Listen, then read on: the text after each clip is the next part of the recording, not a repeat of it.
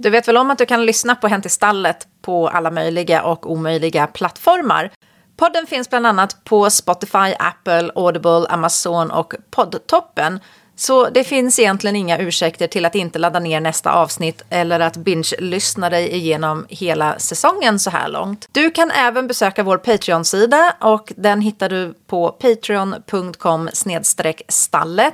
Till podden finns även en WhatsApp-kanal, Hänt i stallet. Länken till kanalen hittar du enklast via Patreon-sidan. Tack för att du lyssnar och tack för att du delar med dig av podden till dina vänner och bekanta.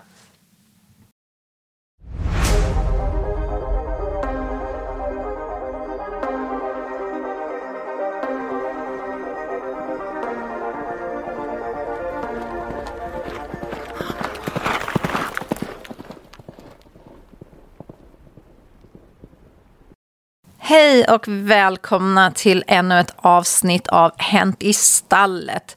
Här i den här podden så står det lite högt i tak. Det här är en uh, one trick pony typ av uh, podcast och uh, idag så skulle jag vilja prata lite om de här äh, övergreppen som har varit på sista tiden inom hästsport. Det var Andreas Hellstrand, det är stallet i södra Sverige där man så här långt inte har namngett ryttaren. Eh, och det kan jag väl också tycka är lite konstigt. Att man inte namnger folk på det sättet samtidigt som jag tycker att det faller in under rättssäkerheten att man inte gör det. Men det blir lite så här att när det händer långt utanför de egna gränserna så talar man högt och vitt och brett om det. Men när det händer innanför de egna gränserna så är man lite tystare om det. Men jag sa ju här senast att den här Payas Parras, colombianen i USA, att de filmer som jag har sett inte, inte fick mig tyvärr att reagera så himla hårt. Eh, och jag har fortfarande inte sett så många filmer, men jag såg en film igår. Och den filmen så... Ja, jag vet inte riktigt. Jag känner, jag känner mig, jag känner mig liksom lite nedslagen totalt av det här. För att filmen som jag såg, den porträtterar ju ingenting som jag inte har sett förut. Det säger ju ingenting om vilka jag hänger med eller vad jag är på. Men det känns ju för mig som att man har missat lite här från officiellt håll vad man egentligen håller på med. Uh, att, att man liksom, som jag då, som betraktare har sett saker värre. Och de saker som jag har sett värre, det är ju oftast ute på tävling. Det handlar om uppvärmning, det handlar om hästar som stannar ut sig, hur man behandlar dem och hur de internationella och nationella funktionärerna inte gör någonting. Det, det, här händer ju om och om och om igen. Och det är som att man flyttar ribban för vad som är tillåtet framåt hela tiden. Det, det, det, ska liksom, jag, jag, hade ju hoppats på något sätt i min naiva hjärna att jag skulle bli helt chockerad över filmen som jag såg igår. Att den kom ju på en tidning och det, det gjorde ingenting med mig. Ja, han piskade hästen. Ja, det gjorde han. Men jag har ju sett en tidigare högt uppsatt tränare i Sverige, tidigare för detta tävlingsryttare. Han har väl fallit, ja, det var en han Eh, han har fallit för åldersstrecket nu så jag tror inte att han tävlar särskilt mycket och kanske inte tränar längre. Jag tittade på Ridsportförbundets hemsida i morse för att se om han fortfarande har tränarlicens men jag inser att jag kollade nog för 2024 och där behöver de ju inte ha betalat in än. Men den här tränaren har jag sett lasta en häst. Och om man då som tidning som publicerade den här filmen på Pajas eh, Parras så om man blev chockad för det, då säger jag så här, ja, då skulle du ha varit med när den här mannen lastade hästar. För att jag har aldrig sett någon som har piskat en häst så som han gjorde. Det var helt fruktansvärt. Och jag tror att vi var rätt många som var chockade. Men det här är några år tillbaka i tiden. Och jag tror att det kanske inte var riktigt så här smartphone-läge just där och då. Men sättet han behandlade hästen på då det är det som jag har sagt förut i ett tidigare avsnitt att även om det är tio år sedan som man gjorde det här, om man piskar på det sättet, helt urskillningslöst, en häst inför andra människor, så är det ju så här, det är ju ingenting, det är ju oftast inte en engångsföreteelse, utan det här är ju ett inlärt beteende. Det här är en reflex om hur man hanterar hästen. Och jag är ju fortfarande ärrad av den händelsen att det, att det piskades så fruktansvärt hårt för att få en häst att gå in i transporten. Jag har själv piskat en häst för att få in den i transporten. Ett rapp, ett riktigt hårt rapp på rumpan och in i transporten gick den. Eh, den fick ingen chans att komma ut bakåt för vi stängde luckan fort som attan. Och den här hästen var ju världens mest lättlastade häst efter det. För att den insåg ju, den, han hade ingen chans att komma undan. Eh, och när han backade bakåt så fick han ett svidigt rapp i rumpan. Ja, shame on me. Men jag har knappt slagit en häst i hela mitt liv och det här var ett enstaka tillfälle där jag faktiskt har gjort det och jag står för det. Men att därifrån med berått mod jaga hästar med långpisk och verkligen rappa på dem så att snärten Alltså, det, det verkligen smäller i ridhuset och inte för att man piskar snärten i luften utan för att man piskar snärten på hästen. Det, det är ju inte bra och då känner jag att det här, hela den här Parras-grejen blir så här, ja, det är illa det han gör. Men samtidigt är det ju många som säger att de har anmält honom om och om och om och om igen. Och jag vet inte om det är sant. Jag vet inte om det... Det kan också vara det här att men, jag var där. För det är ju någonting som alla alltid säger när det händer någonting. Så, ah, nej, men jag visste ju. Jag var där. Jag, jag hade full kontroll. Jag har hört det här. Det, jag var där. Det, det, det, det är något som något, många säger när det händer någonting. Till exempel, det var en kille som avled på en tävling för tio år sedan. Eh, jag var på den tävlingen, jag såg det inte gode gud för det. Jag hade drömt mardrömmar fortfarande om jag hade sett det här fallet där ryttaren krossade skallen i nackbasen. Jag, jag, hade nog, jag, jag, tror faktiskt inte att jag hade återhämtat mig än om jag hade sett det. Men däremot, alla som var på den här tävlingen och alla som inte var på den här tävlingen, alla har ju lyckats zooma in och se det här fallet på FI-TV eller live eller på en monitor på tävlingsplatsen. Och det fascinerar mig lite att så många, alla, såg det. Eh, och det blir ju samma sak när det handlar om övergrepp, att alla visste om det, men ingen gjorde något. Eller gjorde folk någonting och ingen tog action. Det börjar bli svårare och svårare att reda ut just den biten. Nu hade vi ju då senast eh, Katie Prudant, det var ju också i USA, hur hon förnedrade sina elever. Jag har pratat om det här i podden tidigare. Och det är ju inget sätt som man behandlar sina elever. Men i hennes fall så kändes det ju mer som att det här var ju en trött gammal kärring som inte har i sporten att göra längre. Hon har ju passerat bäst före datum. Men den här äh, Parras då, om vi återgår till honom. Här sitter en äh, tjej på hästen, en man springer bredvid hästen och Parras springer och jagar hästen. Och benen är ihopdragna, det är inspänningstyglar och hela den biten. Och när man ser hästen vid ett tillfälle när hon rider den själv så känner jag så här, ja men så här ser ju alla hästar ut idag. Så här går ju alla hästar idag. Och då kan man ju ställa sig en följdfråga, hur ser det egentligen ut i de andra stallen? För om man kollar på dressyreliten så är det ju faktiskt, som jag har också sagt tidigare, det finns ju ryttare då som har åkt dit för doping vid flera tillfällen. Och det är ju alltid någonting som har blivit kontaminerat av misstag och det, det, finns alltid en bra story bakom det här. Och det finns ryttare som har blivit filmade med, eh, i rollkur och det finns ögonblicksbilder. Och det här med ögonblicksbilder det är ju någonting som jag verkligen skulle vilja ta upp. För att det finns två sidor av det här. Det ena är att det finns, ögon, det finns ögonblicksbilder. Och det finns ögonblicksbilder som används i negativt syfte.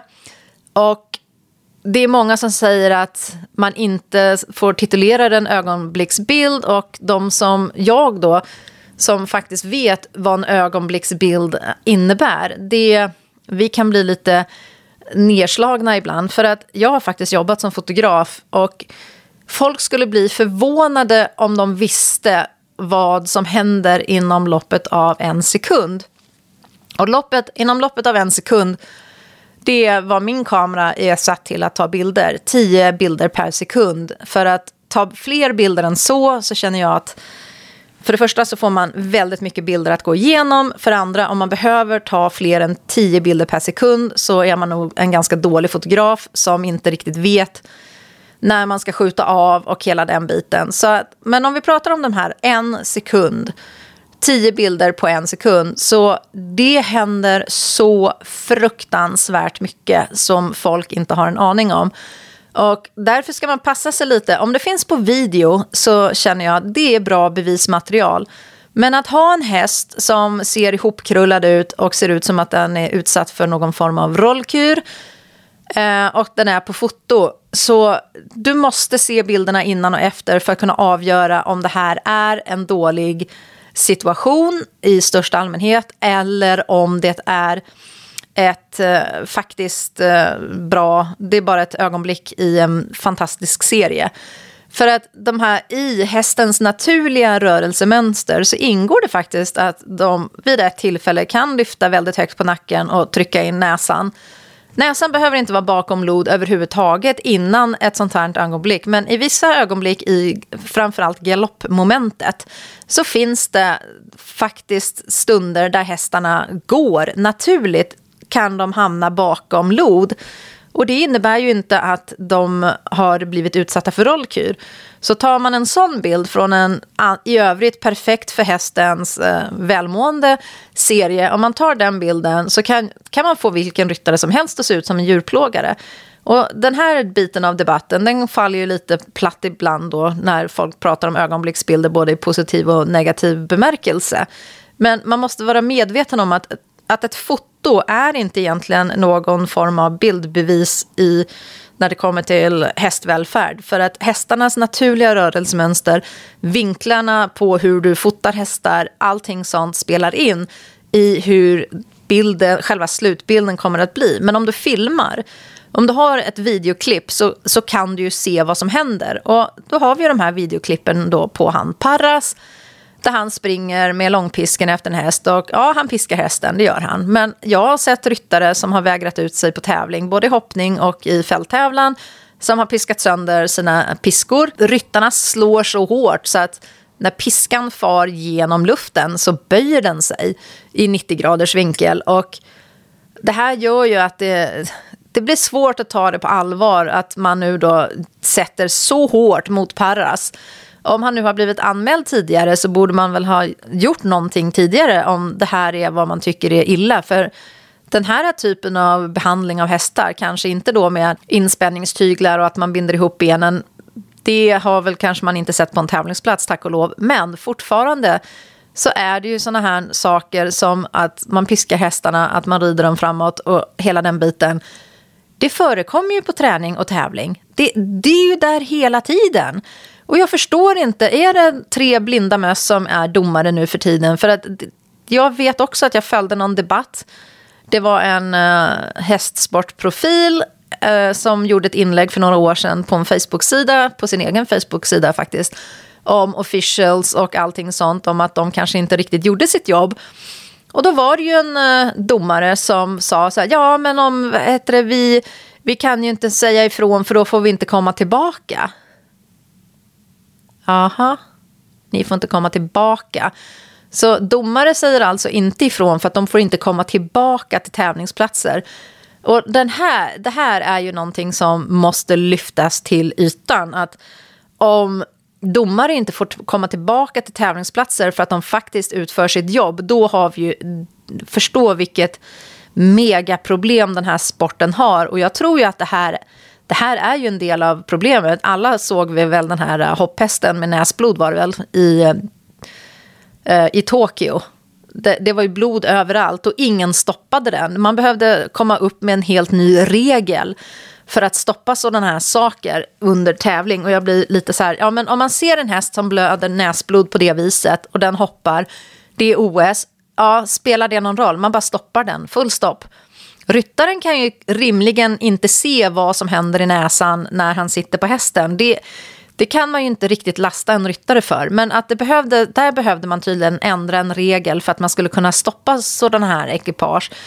Och hela, hela djur, djurskyddet inom ridsport, jag känner att det har det har glidit iväg och det har, man har spelat rakt in i händerna på djurrättsaktivisterna för att det är precis det man gör när man inte kontrollerar den egna sporten. Vi har officials, vi har ground jurors, vi har stewards. Eh, de är ute på tävling för att döma hästar och ryttare. De är ute för att döma tävlingen, de är ute för att kontrollera tävlingen. Vi har tekniska delegater. Det finns så mycket olika officials i våran sport och ändå så har vi så mycket problem. Det, det här är ju, om det här sker på träning, så förstå vad som sker på tävling. Det, det kommer ju, de kommer ju alltid spela på gränserna. Var, varför har vi inte någon undersökande journalistik bland förbunden? Att man åker hem till tränare och ser vad som händer. O, oannonserade besök, lite som dopingkontrollanterna som fällde före detta svenska hoppryttaren Matilda Karlsson. Att man måste tala om vad man är, man måste lämna dopingprov och om man inte gör det så får man inte fortsätta. Och jag, någonstans känner jag att vi kanske måste införa någon form av kontrollinstans om det har spårat så, så att folk som jag som är ute på mycket tävlingar, vi, vi lyfter knappt ett ögonbryn när vi faktiskt ser de här bilderna då som ska anses så chockerande. Och jag är säker på att det finns någonting i det här bildmaterialet som kommer chocka skiten ur mig. Men så här långt har jag inte sett någonting som har chockat skiten ur mig. För att jag har sett så mycket annat ute på tävling under årens lopp som har chockat mig så fruktansvärt. Vi pratar om halta hästar som har fått tävla. Vi haltar, halta hästar som har skickats till mästerskap. Skadade hästar som har skickats till mästerskap och aldrig kommit därifrån. Eh, för att de har avlivats på vägen hem eller under tävling eller vad som helst. Och det här ha, det, vi måste ta tag i den här biten. Vi kan inte hålla på och fjanta runt längre och säga att vi, vi har inget sett, eller jag har sett, vi såg, jag var där. Alla måste vi ta vårt ansvar att säkerställa ridsporten för framtiden så att vi inte blir ett byte för galna djurrättsaktivister. Jag vet att jag pratade om djurrättsaktivism också i fredags, men det här, det här är ett ämne som verkligen ligger mig varmt om hjärtat. Jag vill att hästar ska må bra. Jag vill att hästar ska ha det bra. Jag vill att vår sport ska kunna fortsätta. Jag, jag, vill, jag vill kunna gå rakryggad och säga att ja, men jag, har, jag har tävlingshästar. Och jag kan inte göra det just nu. Just nu så känner jag så här, ja, men vad ska jag göra med alla mina unghästar? De är ju, börjar bli mogna nu då för inridning och för tävling så småningom. Och jag vet inte vad jag ska göra med dem eftersom jag just nu känner att jag inte har någon riktig connection med sporten. För att sporten verkar ha spårat totalt. Och det handlar ju inte bara om hästar utan det handlar ju även om människor. Hur en viss grupp människor också misshandlar andra människor om det är så psykologiskt eller fysiskt det har varit, I Sverige har det varit så många skandaler under senare år som har handlat om övergrepp från, övergrepp från tränare eller övergrepp av tränare. Som har tränare som har förgripit sig på unga tjejer för att det här har ju överlag varit unga tjejer men det finns ju även tydligen folk då som har varit eh, inte så trevliga mot eh, andra. Eh, det, det har varit väldigt mycket sånt här och ett ihållande rykte som har gått de senaste åren är ju om den här festen där det skedde ett övergrepp. Det blev polisanmälan. Polisanmälan tas tillbaka för, tillbaka för att det inte är bra för business. Om bara hälften av den storyn är sann, det är en story som har florerat i flera år nu och den involverar ganska tunga namn i sporten och jag, vet ing, jag känner ingen som inte har hört den här storyn. Folk har hört den här storyn, helt oberoende av varandra har de hört den här storyn. Och ändå har vi inte hört om den i pressen, ändå har vi inte hört om den någonting i, eh, som i avstängningar eller utredningar eller någonting. Och det är ju lite sådär att ingen, ingen rök utan eld. Kan det vara så här att det stämmer? Eller är det, är det bara en modern skröna? Är alla de här sakerna som har varit under senare år moderna skrönor? Jag, jag, jag läste förundersökningen mot den här hoppryttaren slash tränaren som hade för, förgripit sig på tjejer och flickvänner. Eh, det var brutal läsning. Det var chockerande.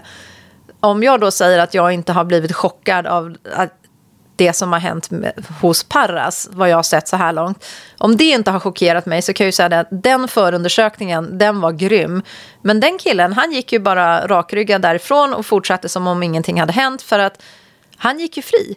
Eh, och det är ju så det är hela tiden. Och nu känns det som att det här djurskyddsmässiga, det har, det har börjat komma ikapp nu. Att man har, man har varit så slö under så många år med att eh, följa sitt eget regelverk. Så att nu har man ju målat in sig i ett jävla hörn där det har blivit lite High Chaparral och vilda västern över det hela.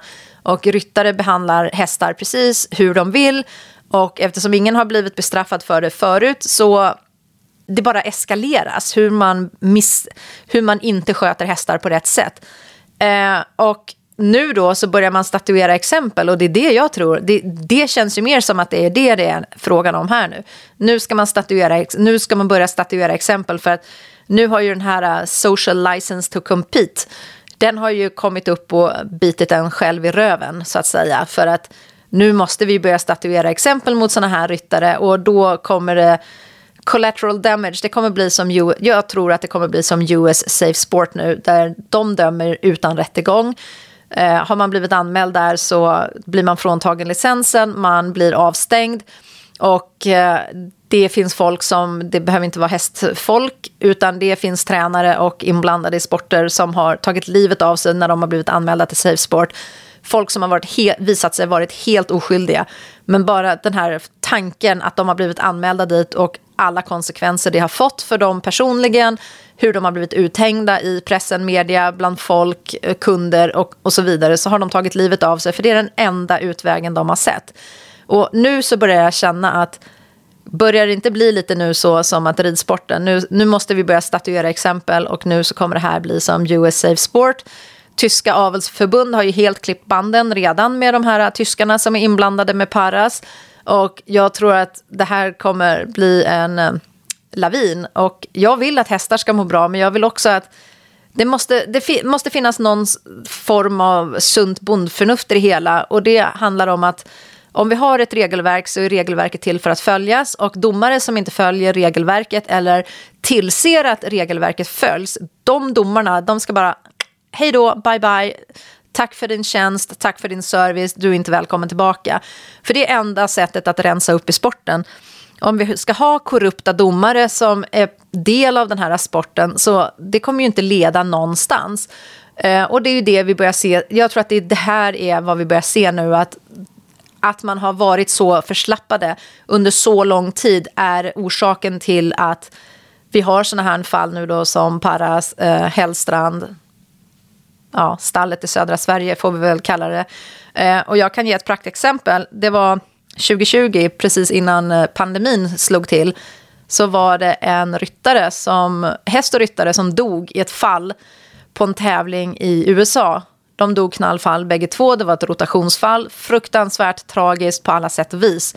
Men jag gjorde lite backtracking på det här eh, ekipaget och jag hittade en film från eh, augusti året innan. Och 2019 då så var det här ekipaget ute och red en internationell tävling. Jag tror att det var i Kanada. Och eh, det var helt out of control. Det, det, det, det, var, det var farlig ridning över hela terrängritten. Och under en, under en period under det här provet så stod hästen... Det, hade gått så utom kontroll alltihopa. Så häst och ryttare hade hamnat ute i ett fält och där stod de och eh, ingenting hände. Hon försökte få hästen att gå tillbaka till banan. Eh, och jag kollade ju lite då på det här. Det fanns ju ingenting som tydde på att hon hade fått en bestraffning för det här överhuvudtaget. Och då känner jag så här att de domarna som var på den tävlingen i augusti 2019 de borde faktiskt bli anhållna för dråp. För att om de hade gjort sitt jobb, man ska inte kunna rida så här på en internationell tävling. Man ska inte kunna totalt fallera så som det här ekipaget gjorde på den här tävlingen. Det ska inte kunna ridas så out of control som det var. Och det gör ju att de här äh, uh, ground jurors och tekniska delegater och stewards och whatever som var på den tävlingen de har ju sett till att eftersom hon inte fick några som helst eh, disciplinära åtgärder mot sig efter den tävlingen så kunde hon åka vidare då till södra USA och rida ihjäl sig sex månader senare. För det är precis det som blev resultatet av det här. Hade hon istället fått en, eh, ett gult kort för farlig ridning eller någonting liknande så hade hon ju kanske i alla fall tänkt någonting. Hon hade fått en reprimand att ja, men så här kan du, du kan inte rida så här. Det här är farlig ridning. Det här kan få dig att hamna i konsekvenser som du inte vill hamna i.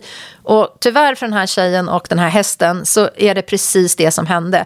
De roterade över ett hinder, de dog bägge två på fläcken. Och det hade aldrig behövt hända om sportens egna officials hade gjort sina jobb. Eh, där har ni något att suga på. Eh, det var ett tungt ämne det här. Så på, ja, tack för att du lyssnade, tack för att du orkade lyssna. Om du har åsikter eller om du vill tillägga något så kan du mejla till mig på stallpodden at gmail.com. Och du kan även besöka hemsidan och lägga en kommentar i kommentarsfältet. Och eh, jag hoppas att du prenumererar på podden, att du sprider den till dina vänner och bekanta. Och prenumerera på podden eller lyssna på den, spara den kan du göra via Apple, Spotify, Amazon. Ja, alla de ställen där du hittar poddar. Poddtoppen till exempel. Så tack för att du lyssnade och på återhörande.